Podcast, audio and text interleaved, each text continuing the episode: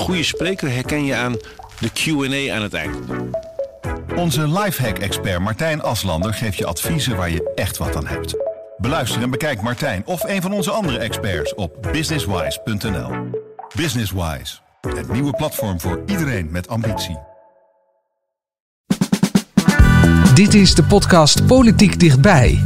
Met Tobias den Hartog en Thomas Brouwer. Misschien staat hij van alle lijsttrekkers wel voor de moeilijkste opgave: het diep impopulaire CDA in leven houden.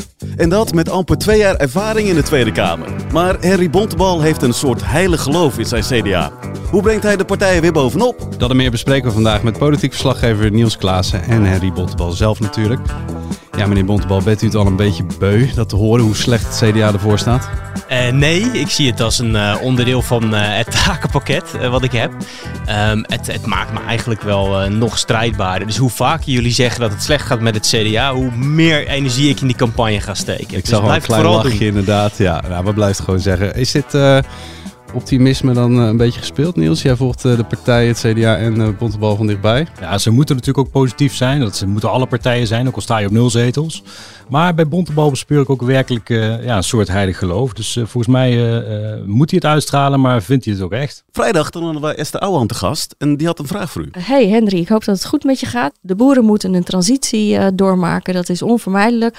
Dus die vrijhandelsverdragen, bijvoorbeeld met Brazilië, waardoor er allemaal goedkoop rundvlees en kippenvlees en allemaal zooi op de Nederlandse markt kan komen, wat gewoon oneerlijk is. Ja, wij vechten daartegen, maar het verbaast me zo dat het CDA niet aan onze kant staat. Dus ga jij dat nou anders doen dan, uh, dan Hoekstra? Dat zou ik tof vinden.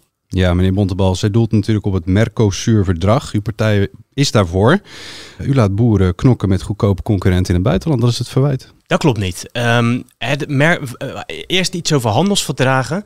Er zijn partijen aan de linkerkant van het politieke spectrum die zijn per definitie te tegen handelsverdragen ik denk dat handelsverdragen juist een manier kunnen zijn om uh, ook bijvoorbeeld de verduurzaming in de wereld op gang te krijgen. Want heel vaak legt Europa de normen op voor de rest van de wereld. Dus andere uh, landen in, uh, in de wereld willen dan hun producten op de Europese markt kwijt. En dan kunnen wij onze standaarden neerzetten. Dus het gaat erom dat je een handelsverdrag sluit waar de hoogste standaarden in zitten. En als je dat op die manier inricht, ook als het gaat om landbouwproducten, dan trek je de wereld mee naar het niveau van Europa. Dus ik zie handelsverdragen niet als een bedreiging, maar als een kans waar ze natuurlijk wel in gelijk heeft, is dat er dan in die handelsverdragen die duurzaamheidsaspecten mee moeten zitten. En het is natuurlijk oneerlijk dat onze boeren moeten concurreren met andere boeren. Um, uh, en in Nederland allerlei duurzaamheidseisen krijgen opgelegd die dan elders in de wereld niet uh, gelden. Ja. Dus ik ben er wel voor om in de handelsverdragen die we sluiten hoge standaarden neer te leggen. En dan kan, kunnen we de verduurzaming in de wereld kunnen we juist helpen versnellen. En dat zou mijn wedervraag aan Esther Ouwehand zijn. Als je een, als handelsverdragen een manier kunnen zijn om uh, de, de, de wereld een stukje beter te maken, waarom ben je er dan tegen? Ja, nu, nu las ik in het programma, uh, het CDA-verkiezingsprogramma, uh, dat Nederland te lang heeft getolereerd dat boeren die oneerlijke strijd voeren tegen die buitenlandse concurrenten. Hè.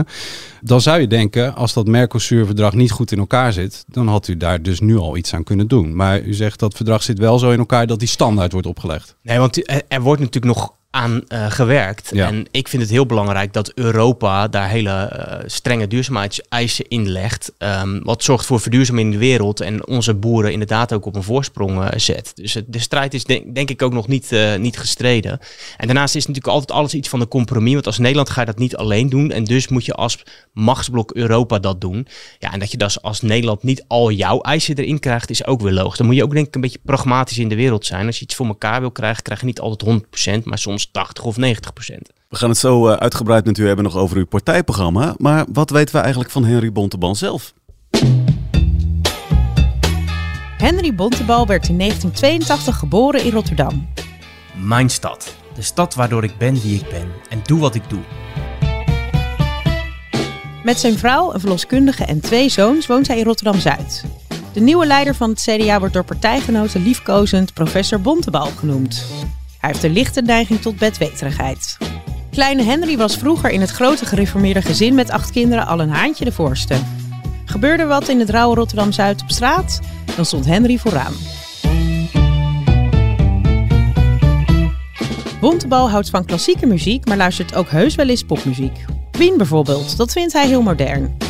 Henry zelf is ook erg muzikaal, speelt orgel en saxofoon en gaat wekelijks naar de kerk waar hij dus ook het orgel bespeelt. En ik ben echt niet de beste organist, maar ik vind het wel heel leuk om uh, op zo'n orgel te spelen. Een soort bakbeest is dit. Bontebal heeft aanleg voor zwaarmoedigheid. Maar toch leek het hem een goed idee om het roer over te nemen van de grootste politieke Titanic die er is, het CDA. En dat is een eer, maar vooral ook een hele grote opdracht. Ja, meneer Bontebal. Uh, bij tegenslag, heeft u wel eens verteld, reageert hij uh, lekker af hè? op de piano of op het orgel als het kan. Ja. Hebben uw buren al geklaagd uh, deze campagne? Nou, ik zal jou vertellen. Ik zit even tijdelijk een paar weken in een huurhuis. Uh, omdat we ons huis verkocht hebben en een, het nieuwe huis is nog niet klaar. En die piano die staat dus even op de opslag. Dus uh, in de opslag. Dus ik kan het nu niet doen. Dus die frustratie moet op een andere manier zijn weg zien te vinden. maar hoe dan? Ja, dat weet ik dus nog niet. Dus misschien kropt het zich wel op. Ja, en komt het tot een ja, dit is een heel gevaarlijk experiment. Dus, komt een eh, album aan, denk ik. Maar dat is misschien de reden dat ik dus in mijn campagne af en toe ergens anders achter toetsen eh, kruip. Ja, het moet een uitweg krijgen, jongens. Anders gaat het niet goed met deze, met deze jongen. Heel goed. We gaan even naar de actualiteit. Dit weekend maakte Mark Rutte duidelijk dat hij wel voelt voor een baan bij de NAVO. Maar hij zei ook dat hij wellicht te lang is blijven zitten als premier. Ik ben zo'n beetje het enige nog in het kabinet die vanaf het begin erbij is. Ik ben ja, daadwerkelijk de enige nog die sinds 2010 in het kabinet zit. Dat betekent, er gaan ook grote dingen mis. Er zijn vreselijke dingen misgegaan. Denk aan Groningen. eh, denk aan de kinderopvangtoeslag. Het is logisch dat het natuurlijk, op de eerste plaats, ik ben ook eindverantwoordelijk aan mij kleeft. Maar dat is natuurlijk veel heftiger als je het zo lang doet. Dat neemt, dat neemt ook je effectiviteit af. Nou, het tweede is dat omdat je effectiviteit afneemt, je ook meer compromissen moet sluiten. om uiteindelijk eh, weer een kabinet te kunnen vormen. En als ik heel eerlijk ben, is dat natuurlijk ook eh, ten koste gegaan van het profiel van mijn eigen club. Ja, meneer Bontebal, dan hebben we een ineffectieve premier gehad die te lang is blijven zitten. Eh, uw partij heeft dat mede mogelijk gemaakt. Eh, ja, dat klopt. Wij hebben de afgelopen zes jaar in eh, het kabinet gezeten. Ehm, wij als partij hebben natuurlijk onderdeel, zijn, zijn onderdeel geweest van de coalitie. Eh, en de laatste twee jaar was ook wel een beetje met hangen en wurgen, eerlijk gezegd. Maar we hebben natuurlijk op meerdere momenten onszelf steeds de vraag gesteld van eh, houden we dit kabinet in het zadel? En we hebben er steeds wel voor gekozen om dat te doen. En onze intentie was steeds, willen we dat toeslagenouders nou echt geholpen worden? Of worden ze, eh, worden ze echt geholpen met het, de stekker uit het kabinet trekken? Ehm, en die keuze hadden we ook toen we een deb- groot debat hadden over Groningen. Ook toen is in de fractie de vraag gesteld, hoe lang eh, gaan we hiermee door? En toen hebben we ook dus de vraag gesteld van, hebben de Groningers er nou echt wat aan als we Hans Velbrief van zijn post halen? Ja. Of, en, en landbouw idem dito. We hebben steeds natuurlijk een inschatting gemaakt van, kan er nog genoeg uit dit kabinet komen om toch door te gaan? En wij hebben steeds die inschatting gemaakt. Ja, met hangen en burger wel door. Want ik denk dat de schade groter is als dan, dan dat we eh, eh, doorgaan. Maar dit kabinet heeft vanaf het begin gewoon niet goed eh, in elkaar gezeten. Ik denk dat de persoonlijke verhou- verhoudingen in het kabinet ook niet altijd goed waren. En ik vind eerlijk gezegd ook dat, dat, dat, dat daar zijn wij natuurlijk best wel kwaad over de manier waarop de VVD de uitweg heeft gezocht. Ja. Ja. Dat vinden wij opportunistisch. Maar u zult het dus ongetwijfeld met de premier eens zijn dat hij iets te lang is doorgegaan. Ja. Maar is dit niet wel ook de chicere manier om je internationale ambities eh, te presenteren? Uw eigen voorganger die ging als een dief in de nacht van Binnenhof naar Brussel. U was zelf totaal overvallen. En je zou kunnen zeggen, hij is nu tenminste eerlijk over zijn ambitie. Ja, dat is, dat is, het, dat is het goede. Hè? Dus da- daar zou, voor, daarvan zou je kunnen zeggen, nou, een lof dat hij daar eerlijk over is. Maar het is natuurlijk ook wel een, een vrij makkelijke reflectie achteraf. Eh, op het moment dat je kabinet gevallen is en je moet je voorganger een zetje geven, dat je dan gaat reflecteren over hoe lang je bent eh, blijven zitten. Dat, ja, dat is natuurlijk ook wel een, een, een makkelijk om te doen. En het zie je het hem. Hij wil zijn, voor, zijn, zijn opvolger wil die, wil, wil die natuurlijk een, een lekkere start eh, geven. En daar hoort dan dit soort reflecties bij. Heeft u ook een lekkere start gekregen van uw voorganger? Niels, volgens mij zou, jou de zou jij de leuke vragen gaan stellen eh, vandaag. Ja, nou, dit kwam ineens hem op, maar Ja, geef ja, eens antwoord. Nou, ik heb niet een hele lekkere start gehad. In die zin dat eh, ik in een fase van de partij eh, eh, lijsttrekker ben geworden. Die natuurlijk wel erg moeilijk was. Met, eh, met slechte peilingen, met onvrede in mijn partij.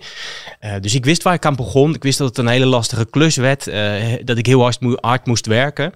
En tegelijkertijd, ja, ik ben ook heel erg blij met eigenlijk hoe het de eerste tien weken is gegaan. Want de sfeer in de partij is echt volledig omgedraaid. Dat heb je kunnen zien op ons partijcongres. Maar ook als je nu mensen in het land belt. Onze leden willen weer lopen, de afdelingen zijn actief.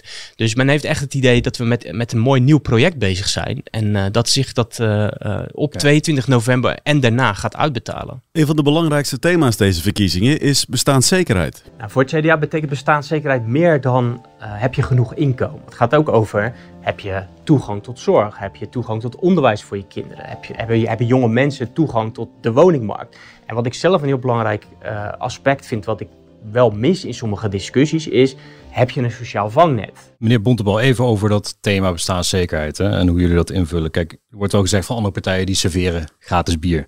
Het CDA serveert uh, gratis kinderopvang, oppasverlof, tientallen procenten meer budget voor uh, gezinnen via toeslagen en, en, andere, en andere tegemoetkomingen. Hoeveel euro wordt dat precies voor welke gezinnen en hoe gaat u dat betalen eigenlijk? Nou, wij laten natuurlijk ons programma nu op dit moment doorrekenen door het, uh, door CPB. Dus daar zullen, wij natuurlijk wel een net sommetje moeten maken. Dus dat doen wij wel degelijk. Dus het is geen gratis bier. Het is dat wij, uh, hè, dus wij zeggen, een eh, stapje terug, bestaanszekerheid is voor ons heel belangrijk. Dan moet je keuzes maken in hoe vul je dat dan in. Wij doen dat vooral door de druk op gezinnen te verlagen. Dus wij zeggen inderdaad kinderbijslag fors omhoog, kindgebonden budget voor uh, de gezinnen die uh, nou, een lager inkomen hebben en die, kinder, uh, die kinderopvang. Hè. Dus dan hou je de druk van gezinnen, omdat wij zeggen als het met gezinnen goed gaat, dan gaat het ook met de samenleving maar sorry, even dus maar het, het moet ergens van betaald worden. We hebben het over een paar honderd euro per gezin, hebben we het over een paar tientjes. Dat vinden mensen wel belangrijk ja, maar om aan te voelen. Hè? Precies, dus als het over het, bijvoorbeeld over de kinderbijslag ja. gaat, dan moet je denken aan echt een, een, een verhoging met tientallen procenten. Het punt is, we zijn nog aan het tweaken, heel eerlijk gezegd. Want we zijn nog in overleg met, met het CPB over ja, hoe zwaar dat moet en hoe dat. Want je hebt natuurlijk allerlei koopkrachtplaatjes en je moet het ook financieren. Dus dat is het gesprek wat met het CPB plaatsvindt. Maar het is niet een, een verhoging van een paar procent. Dat gaat echt bijna richting de verdubbeling van de kinderbijslag. Kinderbijslag. Ja. Maar dat raakt iedereen, hè? Dus uh, ja, daarom, arm, uh, iedereen. Exact. Maar de, de, de, de reden is um, te, eigenlijk tweeledig dat um, ook heel veel middeninkomens zitten ook best wel krap. En ook, ook gezinnen. Dus we hebben het heel vaak over de laagste inkomens. Maar er is een hele groep, grote groep middeninkomens die als er maar even tegenslag is financieel ook door ze hoeven zakt. Dus dat moeten we niet vergeten. En het tweede is, is ja, kijk, uiteindelijk is het hele toeslagenstelsel wel ook gewoon veel te complex geworden. En moet je ook niet te veel willen blijven doen met inkomensafhankelijke regelingen. Maar, zeg ik ook wel meteen eerlijk bij, dat zijn wel de knoppen waar je als politieke partij nu aan kan draaien. Omdat die vereenvoudiging van het belastingstelsel, ja, dat gaat nog jaren duren. Dus dat is steeds de balans. Wat kan je voor op langere termijn doen met het simpeler maken van het, uh, van het stelsel. En op korte termijn al wel om ja, gezinnen gewoon te helpen. En het moet ergens uit betaald worden, maar dat ga je wel zien in onze CPB doorrekenen. Een van de dingen is dat wij dus een verschuiving doen van uh, minder belastingen op arbeid, die toeslagen naar bijvoorbeeld ook een uh, extra belasting op vermogen. Ja, dat is een ja. keuze die wij maken. Vermogensbelasting omhoog. Uh, hoe reëel is die uh, kinderopvang? Hè? Die bijna gratis ja. kinderopvang. Sommige partijen zijn er in principe wel voor, maar zeggen ja, het is nu al zo druk bij die opvangcentra. Er is ja. personeelstekort. Hè? Het gratis maken komt vooral ten goede van gezinnen die toch al genoeg geld hebben. En daarom bent u daar vatbaar voor? Bijvoorbeeld uw Zeker. eigen welbekende ex-partijgenoot Omzicht wil er ook niet aan om die redenen. Waarom willen jullie het wel? Um, dan moet ik iets preciezer zijn in de vormgeving. Wij zeggen dus bijna gratis. Dus wij houden een klein beetje een, een, iets van een, een, een bijdrage. Dus dat is een, een prikkel voor mensen om niet altijd je kinderen, uh, ook als het niet nodig is, naar de kinder, uh, kinderopvang te brengen. En wij bouwen een component in voor de hogere inkomens. Dus op die manier denken wij dat de druk uh, beheersbaar blijft op. Nou ja, het Wat is een component voor hogere inkomens? Die gaan wel betalen. Of ja, precies. Oh, dus, als jij, ja, dus als jij dat geld van de overheid niet nodig hebt om je kinderen naar de kinderopvang te, uh, te brengen, ja, dan ga je gewoon hoge bijdrage betalen. Dus dat is ook weer, nou ja, wat ons betreft, de sterkste schouders die de, die de zwaarste lasten. Maar de bedoeling is meer opvang, dus dan heb je ook meer handen nodig, toch? Dat is ongeacht hoe je het regelt. Ja, maar um, um, het de, de punt is vooral dat we nu ook een heel stelsel hebben. Alleen dat dat via toeslagen gaat. Dus ja. laten we even eerlijk zijn. Nu wordt dat ook al gesubsidieerd. Wij zeggen vooral, gaat het ook anders subsidiëren. Ja. En, en de hele toeslagenaffaire komt voort uit het feit dat we het via toeslagen hebben gedaan. Die dan herberekend worden uh, nadat je het hebt ontvangen. En daar hebben we alle ellende van gezien. Dus dat is denk ik de grootste beweging die we maken. Ja, dus naar de kern is het niet heel veel meer op we gaan het gewoon anders financieren en betalen. Ja, en daarbij komt ook dat wij zeggen uh, voor de kinderen van 2 tot 4, daarvan hebben we gezegd, die moeten ook twee dagen dat, hè, dus naar de kinderopvang kunnen. Omdat er ook best wel wat gezinnen zijn waar kinderen, um, um, ja, waar het denk ik belangrijk is als kinderen ook in een wat bredere sociale omgeving komen. Hè. Dus, dus nou ja, we zitten hier in Rotterdam. Het is denk ik best wel verstandig voor kinderen die de taal niet goed beheersen. Dat ze dat, ze, dat ja, door met vriendjes te spelen op de kinderopvang al een klein beetje leren voordat ze naar uh, groep 1 gaan. Even over bestaanszekerheid, meneer Bontebal, voor een specifieke groep. Niet onbelangrijk voor uw partij, de boeren. Hoe ziet de toekomst van de boer eruit volgens het CDA-perspectief? Programma is niet heel duidelijk, lijkt het. Ja, dat, het komt ook een beetje. Kijk, wij hebben een beknopt verkiezingsprogramma willen maken. En wij hebben de afgelopen twee jaar meerdere visies uh, geschreven. Eentje over de landbouw, eentje over klimaat, eentje over gezin. Dus we hebben alles wat daarin staat niet één op één weer willen herhalen in ons uh, verkiezingsprogramma. Het toekomstperspectief voor de boeren is natuurlijk ons belangrijkste punt steeds geweest. En wij hebben gezegd, uh, de agrarische sector, boeren willen echt wel verduurzamen. Dat moet ook. Hè. Er is een stikstofprobleem. Dat gaan we niet zoals sommige partijen wel doen, dat lopen ontkennen. Er is een probleem. Uh, in Nederland, dat moet opgelost worden. Wij denken dat de agrarische sector ook heel veel in huis heeft om dat te kunnen. Hè, dus dat kan op de manier van uh, stoppen, verplaatsen, innoveren. Daar zitten echt veel mogelijkheden, denken wij. Maar het probleem van de afgelopen jaren is mijn ziens vooral hoe heeft de overheid zich opgesteld tegenover deze sector. En de overheid is een soort tegenover deze sector gaan worden heeft te weinig perspectief geboden, waardoor heel veel boeren zich gewoon in de hoek hebben ge gedrukt gevoeld.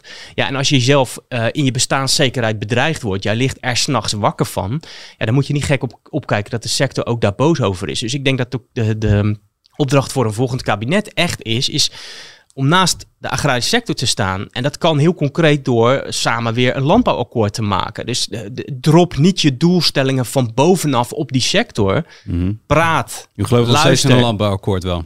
Sterker nog, ik denk dat dat de enige manier is om eruit te komen. Als het volgende kabinet het weer precies op dezelfde manier gaat doen. Dus top-down met mm. spreadsheets en excels en kaartjes. Dan durf ik te wedden dat die hele opgave net zo hard mislukt. Ja. Boeren, jonge boeren, hebben het uh, toekomstperspectief nodig. En ga er langs, zou ik zeggen. Uh, ik heb dat de afgelopen weken ook vaak gedaan. Die, de, de, boeren weten echt wel dat ze moeten verduurzamen. En, ja. en weten ook hoe dat kan. Maar alsjeblieft, laten we het vakmanschap van die boer weer een beetje respecteren. U heeft daar veel vertrouwen in. Hè? U zegt ook in het programma, we willen veel aan de boeren zelf laten. Maar tegelijkertijd, dat hebben we toch juist gedaan. We zijn nu waar we zijn. Uh, de stikstofuitstoot is te hoog. Uh, boeren hebben waardeloze investeringen gedaan met hulp van de banken. Uh, de overheid heeft moeten ingrijpen. De minister die dat deed, nou, die is zo'n beetje door iedereen in de kou gezet. Waarom heeft hij dan toch weer vertrouwen dat die sector dat zelf zou kunnen doen? Omdat ik zie dat die sector daar heel veel ideeën voor heeft. En, en juist die uh, regels. waarschijnlijk hiervoor ook al. Ja, maar dat kan je volgens mij die boer eigenlijk best wel moeilijk verwijten. Want ik ben ook bij ze langs geweest. Uh, het is een paar weken geleden ben ik bij een, een jonge boerin uh, langs geweest. En die vertelde mij dat ze een heel aantal jaar geleden een compleet nieuwe stal heeft gebouwd. Om aan een, aan een beter leven keurmerk te voldoen. Om dat vlees te kunnen leveren aan een grote supermarktketen. Heel, voor die stal voor een paar ton gebouwd. Een jaar later zegt dezelfde supermarktketen, ja ja, we gaan toch uh, biologisch vlees in de schappen leggen. Dus we hoeven jou, uh, dat contract gaat niet door. Dan zet je dus een boerin die voor 10.000, voor tonnen heeft geïnvesteerd, zet je in één keer in de kou. Ja, ik vind dat niet op een normale manier omgaan met die sector. En je ziet dus dat um, boeren, ja, die staan in, in, in hun eentje tegenover hele machtige supermarktketens. Er zijn een stuk of vijf die, die de, hele, de, de hele sector bepalen en, mm -hmm. en dat inkopen. Um, die boer staat daar met, vaak met zijn rug tegen de muur. En die, en, die, en die moet zijn product voor een paar cent um, ja. Verkopen. Terwijl, de, terwijl uiteindelijk bij de klant voor, het, voor een vele, vele malen hogere prijs ligt. Um, dus we moeten ook de positie van de boer in die keten durven versterken. Maar meneer Bontebal, even tussendoor, sorry. Prima, u bent natuurlijk pas net lijsttrekker. Maar ja, het klinkt misschien flauw, maar u was natuurlijk uw partij zat aan de knoppen. Ja, maar dan wil ik ook... Nee, wacht even. Even de vraag. Jarenlang waren uw ministers in de treffenzaal toen hierover gesproken is. Ja. U kent die achterban heel goed, die zit in uw vezels. Ja. En uitgerekend uw partij heeft die discussie misschien wel op de lange baan geschoven met de deadline discussie en uh, nou ja, nog even terug naar de tekentafel zo.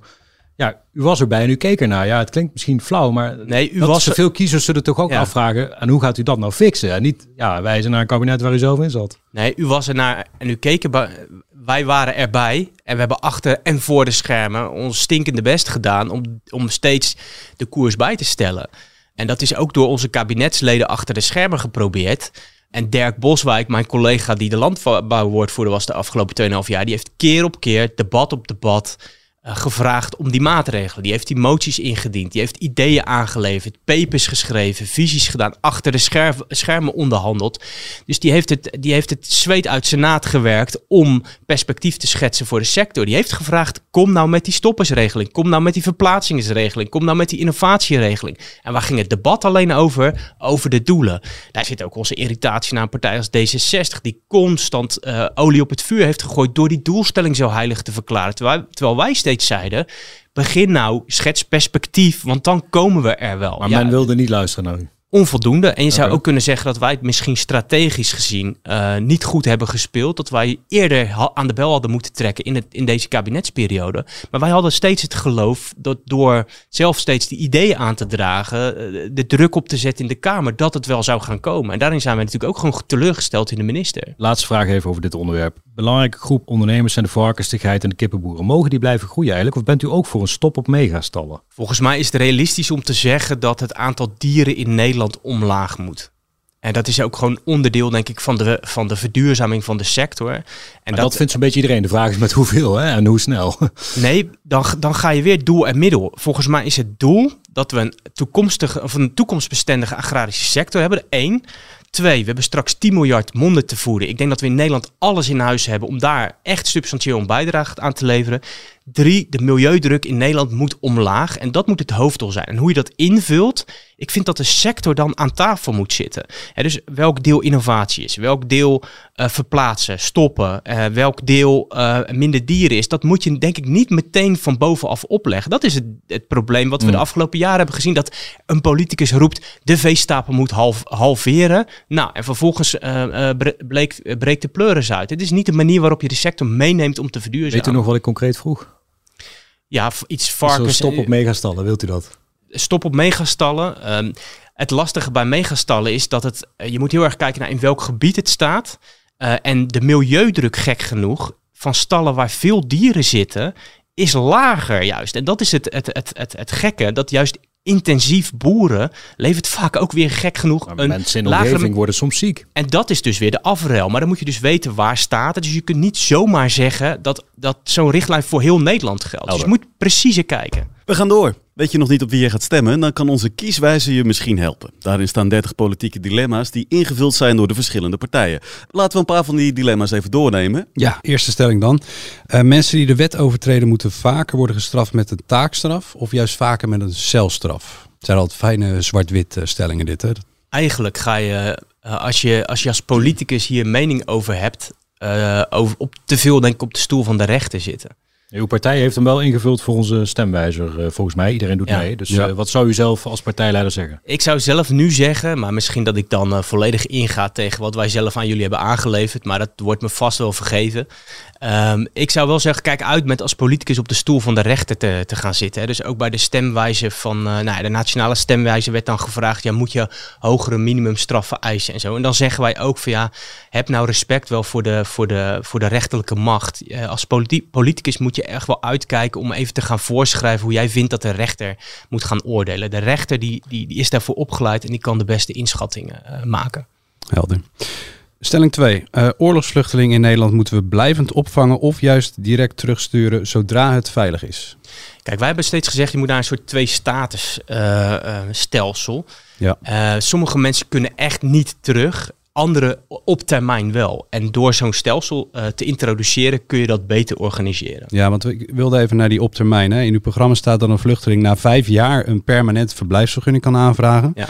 Maar een oorlog duurt gemiddeld genomen tien jaar. Dan is zo'n twee-statenstelsel toch een wassen neus. Uiteindelijk gaan we dan toch heel veel verblijfsvergunningen uitgeven. Ja, dat ligt er dus aan hoe lang een oorlog duurt. Je zegt nu gemiddeld, maar dat betekent dus dat sommige oorlogen uh, eh, 20 jaar duren en andere twee. Dus, dus um, ik denk dat het eerlijke verhaal is dat, dat als het gaat over migratie, is er geen één oplossing die nu makkelijk alle problemen oplost. Het is het hele pakket. Dus een twee-statenstelsel is een stukje van de puzzel, maar een veel bredere Europese aanpak met uh, een buitengrensprocedure is. Dus dat vluchtelingen echt uh, gezamenlijk door Europa worden gecheckt of ze recht hebben op die status. Of dat het een, ja, iemand uit een veilig land is en gelijk terug kan. Eh, verdeling binnen Europa. Dat zijn allemaal stukken van het pakket die bij elkaar horen. Waar ook het eerlijke verhaal is dat we dat niet zomaar binnen een jaar hebben geregeld. Er gaat jaren overheen, want het moet ook echt Europees worden aangepakt. Toch zegt u dan vijf jaar en dan een permanente verblijfsvergunning. Waarom dan die vijf jaar? Kan ook, dat kan ook tien jaar zijn of acht jaar. Ik snap dat het de enige willekeur is, maar... Nou ja, ik denk dat dat echt detaillering is van zo'n eh, van zo'n voorstel. Kijk, als blijkt dat zeven jaar een beter idee is, dan wordt het zeven jaar. Volgens mij is het belangrijkste punt een twee-statenstelsel. En dat is, hebben we nu niet, waardoor we iedereen over één kam scheren. En dat is eigenlijk zonde. En je zou, je zou een soort van de indruk kunnen krijgen van ja, we willen ze niet. Nee, wij willen juist dit soort maatregelen. Wij willen grip op migratie. Om juist ook op de lange termijn barmhartig te kunnen blijven. Dus je wil echt de mensen die het nodig hebben die wil je uh, opvang kunnen bieden. Maar mensen die terug kunnen, moet je ook echt terugsturen. Want uh, de, de, de, de druk op voorzieningen in Nederland wordt te groot. De druk op wijken wordt, te, wordt te groot. En wil je draagvlak voor echt asielmigratie behouden, dan zul je er wat aan moeten doen. Moet je ook eerlijk zijn over arbeidsmigratie, want we hebben het nu meteen over asielmigratie, maar mhm. arbeidsmigratie is natuurlijk een veel groter aandeel. En daar moeten we ook over durven hebben. En ik daag ook andere partijen uit, waaronder de VVD, om daar dan ook uh, de discussie over te willen voeren. Want die, lopen ze die gaan ze uit de weg? Nou, tot op heden is eh, de VVD steeds terughoudend geweest, geweest over een discussie over arbeidsmigratie. Ik heb de laatste dagen wel daar wat beweging in gezien omdat ik denk dat de VVD ook inziet dat arbeidsmigratie ook gewoon een belangrijke component is waar je ook uh, iets van moet, uh, moet, moet gaan vinden met elkaar. Meer van dit soort dilemma's vind je bij ons in de kieswijzer. Gaan we door naar de staat van het CDA. Was het altijd al uw ambitie om lijsttrekker te worden van een splinterpartij? uh, nee. Jongens, heb even wel een beetje geduld. Ik kan niet in tien weken alles recht trekken. En het imago van het CDA, daar hebben we wel echt last van. Beetje het eigenlijk van de verkiezingen. ja, zo'n peiling is gewoon echt niet leuk. Ja, ik ben meestal echt wel uh, redelijk hoopvol. Ik word er zelf wel eens uh, spuugzat van overigens. Dat in elk interview wat ik heb, wordt me gevraagd of ik even de geschiedenis van het hele CDA wil recenseren. Mhm. Inclusief de afgelopen jaren. Met ook als ondertoon alsof er niks goeds uh, gebeurd is. Nou, dat, dat, daar ben ik het dus niet mee eens. Meestal zit ik gewoon echt goed in mijn vel. Maar ik zou ook oneerlijk zijn als ik niet af en toe eens een avondje heb dat ik zelf ook denk. Poeh. Ja, dat heeft u toch allemaal echt zelf gezegd, meneer Bontebal. Het is wel achter elkaar gemonteerd. Maar... Ja, het is niet, ik, ik kan niet zeggen dat het uh, artificial intelligence is die dit heeft. Uh, dit heb ik allemaal echt gezegd, ja. Meneer Bontebal, het, het, is de onvermijdelijke vraag, maar toch moeten we hem stellen. En daarom is hij ook onvermijdelijk. We willen niet uw zwaarmoedigheid aanwakkeren, maar we hebben nog maar drie weken tot de verkiezingen. Ja. Het staat gewoon niet super voor met de partij. Uh, het, de peilingen zijn stilstaand water. U hebt al iets verteld over het hernieuwde vertrouwen intern, maar hoe gaat u nou het tij keren bij die kiezer? De mensen die luisteren naar deze podcast, die de krant lezen. Nou, je zei zelf al, het is stilstaand water. Dat zie je bij heel veel verkiezingen. Dat eigenlijk tot eigenlijk twee weken voor de verkiezingen zie je heel vaak stilstaand water. Dus uh, ik ben echt nog niet zo pessimistisch dat de huidige peiling representatief gaat zijn voor wat onze uitslag. Ik denk dat wij uh, echt hoog kunnen uitkomen. En tuurlijk, ik ben ook een realist. Wij gaan niet uh, de 52 zetels aantikken die Ruud Lubbers ooit had. Um, dat is niet zo'n gewaagde voorspelling. nee, dus nee, ik, ik, ik, moet ook geen gewaagde voorspellingen, te doen, voorspellingen doen.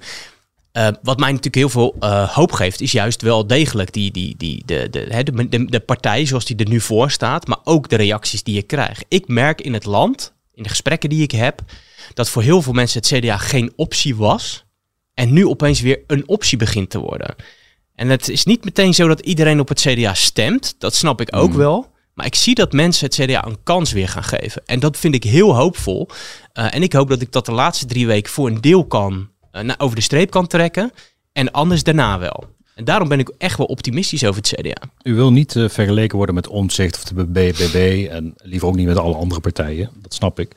Maar toch even, dit zijn verkiezingen. Mensen moeten weten waarom ze bij u moeten zijn. Omtzigt nam eerst uw kiezers mee in peilingen, toen een paar CDA's en nu ook nog uw plannen. Zijn verkiezingsprogramma is nu klaar. Waarom moet die kiezer nou toch bij u zijn? Wat is nou een verschil met Omtzigt? U hebt nu dat programma kunnen lezen, 100 pagina's, dat van u is ook 100. Waarom moet ze bij u zijn? Paar dingen. Ik denk, um, uh, omzicht is heel goed in de analyse.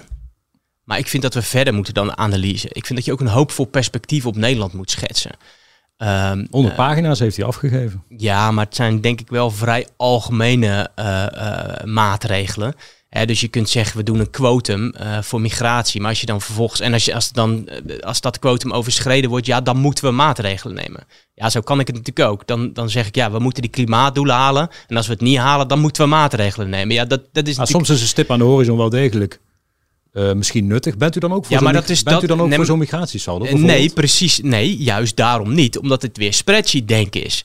Op zo'n manier kan ik ook programma's maken. Dan zeg ik, nou, het klimaatdoel moet 80% zijn. Stikstof moet ook 80% re- gereduceerd worden. Eh, asielzoekers, nou, dat moeten er maar duizend zijn.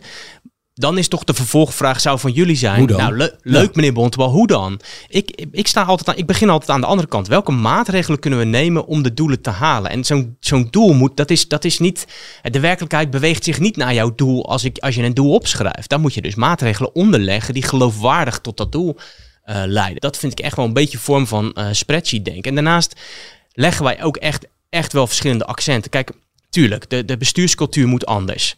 Eh, er zijn een aantal grote problemen in Nederland met de toeslagen, met, met stikstof, met, met Groningen. Daar heeft de overheid gefaald. Maar het is niet zo dat de hele overheid rot is. Dat is gewoon niet waar. De overheid is heel vaak wel degelijk een, een, een betrouwbare partner. Dus als je, als je kijkt naar hoe En ik vind, en ik, nou, dus een tweede, een- wij moeten een hoopvolle verhaal neerleggen. Er zijn heel veel jongeren die, die een hoopvol perspectief willen hebben. Ook gewoon op de toekomst van Nederland.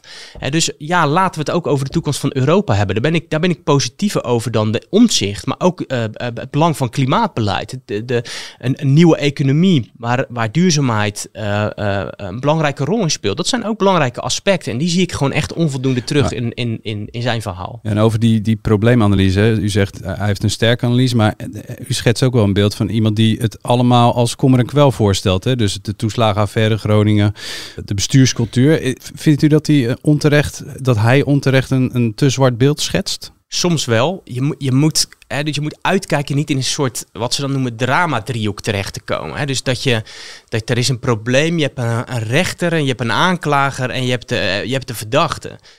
Je moet als politicus niet alleen maar die rol van aanklager willen vervullen. Je moet ook vertrouwen willen geven. Dus als politicus heb je ook een rol om het vertrouwen niet... hebt om het vertrouwen in, in de samenleving te herstellen. Door te zeggen, nou zo kan het wel. En ik vind ook wat de overheid doet, is vaak ook een weerspiegeling van de politiek zelf. De toeslagen, de, wat er in Groningen is gebeurd, stikstof, dat is niet uit de lucht komen vallen. Daar heeft een Tweede Kamer steeds aan meegewerkt. Mhm. De, de, de, de, de complexiteit van het stelsel is mede door de politiek, door de Tweede Kamer bedacht. Dus ik vind het een de, maar de helft van het verhaal. Als we een nieuwe bestuurscultuur willen hebben, moeten we ook een nieuwe politieke cultuur hebben. En dan moet je niet zelf als Kamerlid bij elk wisselwasje zelf naar de interruptiemicrofoon lopen, tien nieuwe regels voorstellen, 80 moties indienen, 100 schriftelijke vragen die de dag daarna ook voor 12 uur beantwoord moeten worden. Dat is, dat is ook onderdeel van een nieuwe politieke cultuur. Dat we de overheid ook eh, in staat stellen om goed beleid te maken. En dat, Maar- dat, dat, dat mis ik heel erg in dit verhaal. Ja, want dat Kamerlid wat u nu schetst, dat eh 100 eh, Kamervragen stelt en morgen antwoord wil, dat is omzicht. Voor een deel wel, maar En dat- andere, dat, en dat gedrag zie ik nu dat andere partijen dat eh, eh, kopiëren. Het is ook je rol, hè? dus het is een hele fijne Ja, ja. balans. Want je moet als Kamerlid af en toe controleren, doorbijten. Als je geen antwoorden krijgt, moet je, als, moet je als een terrier doorgaan en je tanden erin zetten. Maar er is ook iets, je kunt er ook in doorslaan. En als er, bij, als er bij ministeries soms tientallen mensen bezig zijn om alleen maar jouw Kamervragen te beantwoorden, terwijl die mensen ook de toeslagenouders zou kunnen helpen, dan zou ik denken, ik zou toch willen dat die ambtenaren die ouders aan het helpen Maar is het dan vooral het contrast, sorry, ik probeer even duidelijk te krijgen, die kiezer die zou twijfelen tussen het, het origineel, zoals u het CDA noemt, en, en, en, en, en de nieuwe, het nieuwe alternatief. Dan is het dus vooral het migratiesaldo, dat is eigenlijk het enige concreet wat ik hoor. En meer een, het, ja, het gevoel, hè? Het meer het, het eh, ja, hoopvol versus sceptisch. Ik hoor verder niet echt concrete dingen waarvan u zegt. En dat is nou typisch iets wat je bij ons zich leest, maar niet bij ons. En daarom moet je bij ons zijn. Nou, ik denk dat in ons programma lees je denk ik veel sterker nog de nadruk op, eh, op eh, hè, gemeenschapszin. Ik denk ook hè, dat wij gewoon eh, op het, ons gezinspakket is denk ik best wel ambitieus. Eh, ik denk dat we daar echt wel eh, scherpere keuzes maken. Maar goed, dan moet je eigenlijk alle programma's nu op al die details Nou ja. eh, naast, eh, naast elkaar leggen. Maar ik denk dat wij op het gebied van, eh, van gezinnen een heel ambitieus pakket neerleggen. Met, met, met echte ondersteuning voor gezinnen op, op meerdere manieren. Vervelend is wel, hè? we hebben het dus af en toe over details en je moet het van dichtbij bekijken. Eh, uw naaste concurrenten BBB en eh eh, Pieter Omzicht, die laten gewoon niet doorrekenen door het CPB. Nee, die, eh, maar ik ben daar- gewoon eh, iets ja. makkelijker... eh, Ja, ik, ik moet eerlijk, het is voor mij heel makkelijk om nu daar een, een, een patch uit te delen. Maar ik ben daar ook wel mild over, omdat Ehm, ik zie zelf hoe zwaar en ingewikkeld zo'n proces is. Eh, wij moeten ook zelf intern alle zeilen bijzetten om het goed voor elkaar Dus te het is de krijgen. laatste keer dat CDA doet. Nou, het is, het is echt. eh, Wij moesten nu een hele korte tijd doorrekenen. Het is zelfs de vraag of wij het laten publiceren, omdat ehm, je- er is heel weinig tijd om interactie met het CPB over je maatregelen te hebben. Dus je hebt eigenlijk maar twee momenten waarin je aan een knop kan draaien en dat is het dan. Terwijl je eigenlijk een langer gesprek zou willen hebben van, oké, als ik dan aan iets complex als de arbeidskorting draai, wat doet dat dan met het model? En die tijd is er niet. En gewoon heel concreet, ehm, ehm, mensen van mij die, die hier aan werken, dat zijn ook Kamerleden die in een grote parlementaire enquête hebben gezeten, de hele zomer hebben doorgewerkt, dus fulltime hiermee bezig zijn. Dus de, de CPB-doorrekening, ehm, ehm, denk daar niet te makkelijk over. Dat vraagt heel veel van partijen. En als je pas partij net begint, heb ik ook wel een beetje coulance dat ik denk, ja, als je met een paar mensen rondloopt, snap ik ook wel dat je niet meteen zo'n complexe CPB-berekening uh, aanlegt. Ja, toch met alle respect, dit is dezelfde meneer Bontebal die een paar weken geleden nog zei dat er geen gratis bier moest worden Nee, uitgedeeld. maar daarom vind ik, hè, dus dat vind ik nog steeds, ehm, dat gaat gewoon over moties. Eh, Hmm. eh, hè, dus ongedekte moties indienen, dat vind ik een doodzonde in de politiek. Maar dat ongedekte verkiezingsprogramma's? Vind ik inge- ja, maar dat vind ik dan moet je denk ik, vind ik een financiële paragraaf toevoegen. Dus je moet dan denk ik zeggen van, eh, we laten het niet doorrekenen, maar we hebben wel ehm, een, een manier van kijken naar de overheidsfinanciën. Dus dan moet je iets zeggen over hoe ver ben je bereid het begrotingstekort eh, te laten oplopen. En, als je, en dan moet je ook denk ik iets zeggen van, oké, maar als het wel eh, in het rood loopt, dan gaan we als volgt gaan we aan de slag. Dus dan zoeken we het in lastenverzwaringen of in, in, in, in bezuinigingen enzovoort. even kort en goed. Het kan dus zijn dat wij nooit de doorrekening van dit verkiezingsprogramma van het CDA gaan zien. Nou, ja, die keuze moeten we nog zien. Ja, oké. Eh, maar normaal was dat een ABC'tje. We gaan even, dus dat is goed om opgemerkt te hebben. We gaan even door naar de, de volgende vraag. Vroeger ging het CDA bijna automatisch voor de macht. Lubbers wilde naar het torentje. Hij liet ook alvast Brinkman kijken welk behangen hij zou willen. Dat liep anders. Wilt u weer regeren eigenlijk de komende periode? Nou, ehm, het het CDA als machtspartij, ik zou zeggen het CDA is een verantwoordelijkheidspartij. Dus wij hebben een soort eh, reflex ingebouwd dat als er verantwoordelijkheid gevraagd wordt, dat wij onze vinger opsteken. En in het verleden is dat denk ik ook wel net snel iets te vaak gebeurd. Ehm, eh, dus het is een dunne balans tussen verantwoordelijkheid willen nemen en eh, op, op, op, op, eh, op de stoel willen zitten van de bestuurder. Kijk, ik denk dat, dat wij nu een bescheiden positie eh, ehm, eh, moeten innemen. Uh, maar dit hangt wel af van de uitslag. Kijk, um, um, als, de, als bijvoorbeeld als gevolg van deze podcast de zetels uh, sterk zullen, zullen stijgen, Sluit ook in de peiling. uit, ja. Um, Noemen ze wel het politiek dichtbij effect. Dus ja, precies. Nee, maar als, als wij een hele goede uitslag draaien. Kijk, het land moet uiteindelijk ook bestuurd worden. Dus je wil ook als uh, politieke partij, je hebt idealen, je hebt een verkiezingsprogramma, dat wil je realiseren. Anders, anders zou je niet meedoen met de verkiezingen en met het politieke spel. Hè? Als, als, als, als voetballer in een voetbalclub zit je ook niet in die club om op de bank gezet te worden. Maar het, wij zullen niet op dezelfde manier zoals in het verleden de automatische reflex hebben van wij doen mee. Ik ga mijn huid heel duur verkopen. Oh. En daarnaast denk ik dat je ook vanuit de oppositie, uh, zeker de komende jaren, met, met, met krappe meerderheden of zelfs minderheden, uh, heel veel kunt gaan bereiken. Dus de, de, het criterium wordt vooral, kan ik het verkiezingsprogramma, kan ik onze ideeën uh, zo goed mogelijk realiseren. En, en misschien belangrijkste criterium voor mij zal dan ook zijn, niet, hè, dus individuele maatregelen zijn belangrijk. Weet je, zoveel mogelijk maatregelen te realiseren, maar ook wat is de hoofdlijn van het volgende kabinet? Is dat een kabinet die heel erg sterk weer inzet op het individu en op zelfontplooiing? Of is het een kabinet wat inzet op meer gemeenschappelijkheid, op saamhorigheid, op meer samen doen. En dat laatste is voor mij een ontzettend belangrijk criterium. De keuze die we op 22 november in het stemhokje maken heeft niet alleen invloed op de korte termijn. In de rubriek De jeugd heeft de toekomst stellen jongeren hun vragen aan de lijsttrekkers. Ik ben Arie Storm, ik ben 25 jaar. Ik werk bij het uh, UWV. Ik woon in Zeeland en ik ben op zoek uh, al middels ongeveer een jaar op zoek naar een woning. Ja, ik ben al verknocht aan Zeeland. Ik ben hier geboren, opgegroeid.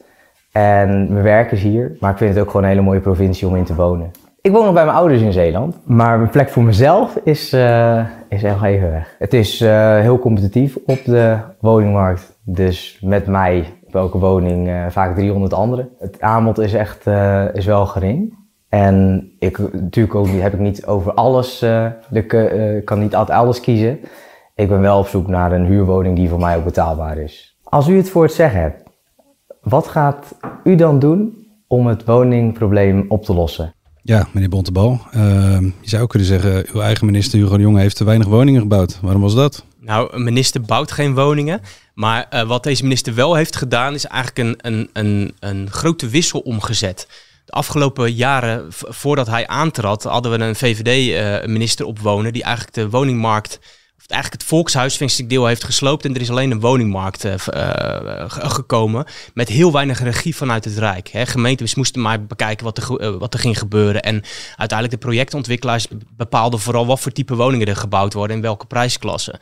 Deze minister heeft juist die wissel omgezet en gezegd: ik ga regie voeren. Dat is een, dat is een hele andere kijk op eh, volkshuisvesting. En dat heeft even tijd nodig, maar er zijn al hele grote wissels omgezet. Er zijn denk ik in antwoord op deze vraag twee dingen die denk ik heel belangrijk zijn.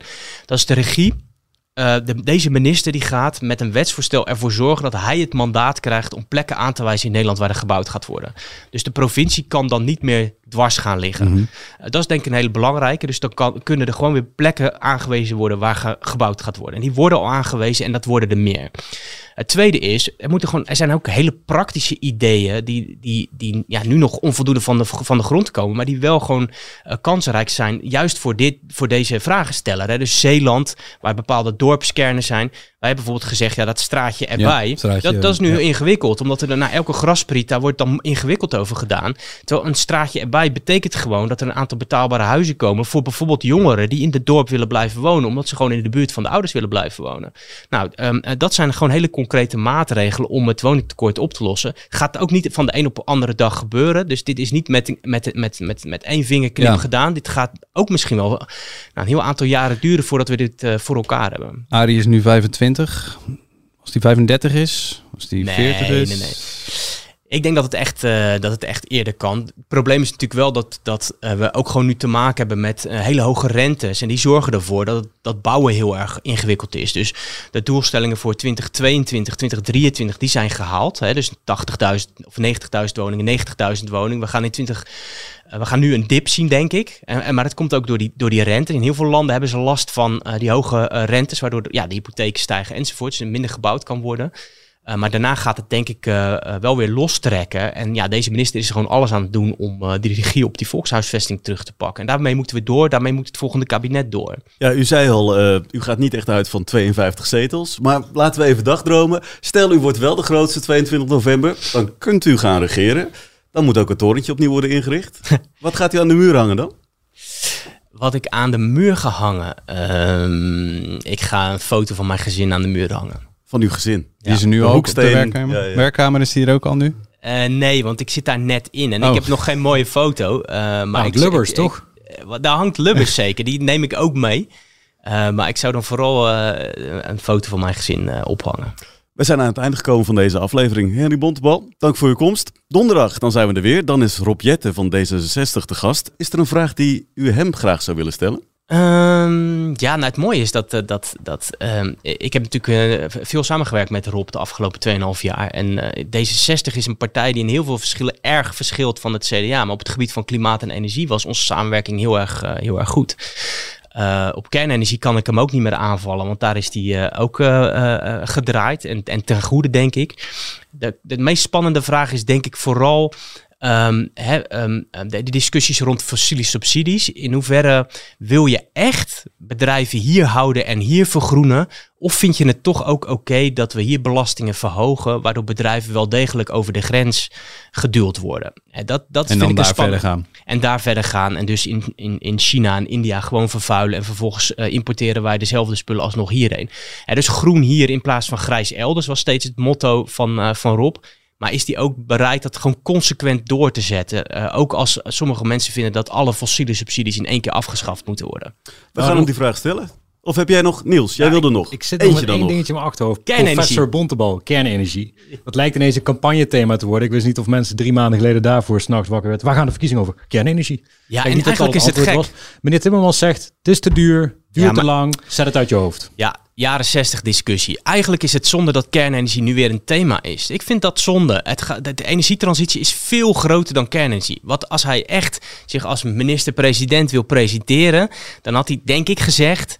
Beste mensen, het klimaatprobleem is echt een groot probleem. Dat moeten we gaan oplossen. Nederland gaat zijn bijdrage leveren. We hebben alles in huis in Nederland om dat te doen. Met groene industriepolitiek. We doen het samen met mensen. Dit kunnen we voor elkaar krijgen. En we nemen de maatregelen die nodig zijn. En als kernenergie een onderdeel is, een stukje van de puzzel, dan gaan we niet met oogkleppen door. Dan is dat ook gewoon een stukje van de puzzel. En ja, dat is misschien moeilijk voor de GroenLinks-achterban. Maar leiderschap is ook dat je dat gewoon soms durft uit te leggen. En wat we de afgelopen twee jaar, tweeënhalf jaar met het kabinet hebben gedaan. Alsjeblieft, gooi dat nou niet weg. Er is heel veel gedaan. Er zijn gesprekken met, uh, met exploitanten van kerncentrales gevoerd. Met Borselen is gesproken. Gooi dat werk van Robjetten van de afgelopen 2,5 jaar niet in de prullenbak. Want het klimaatbeleid wordt daar niet beter van. En het CDA Zeeland is het daarmee eens. Uh, het CDA Zeeland is daarmee eens, maar uh, een paar dagen geleden was er een enquête over wat de Zeelse inwoners vindt. En meerderheid is voorstander van kernenergie. En maar ik dacht minder dan 20%, 20% is tegen kernenergie. Dus het draagvlak voor kernenergie in Nederland is heel groot. Ik vind het een achterhoedegevecht. Uh, en door, zou ik zeggen tegen Frans Timmermans. Wij ronden hier af in ieder geval. Alle podcastafleveringen die zijn terug te vinden op ad.nl slash politiek erbij.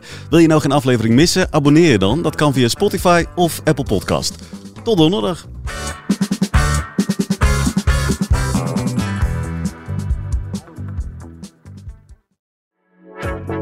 Mensen luisteren niet naar wat je zegt, maar kopiëren wat je doet. Onze vitaliteitsexpert Martin Hersman helpt je te focussen op wat echt belangrijk is. Beluister en bekijk Martin of een van onze andere experts op businesswise.nl. Businesswise, het nieuwe platform voor iedereen met ambitie.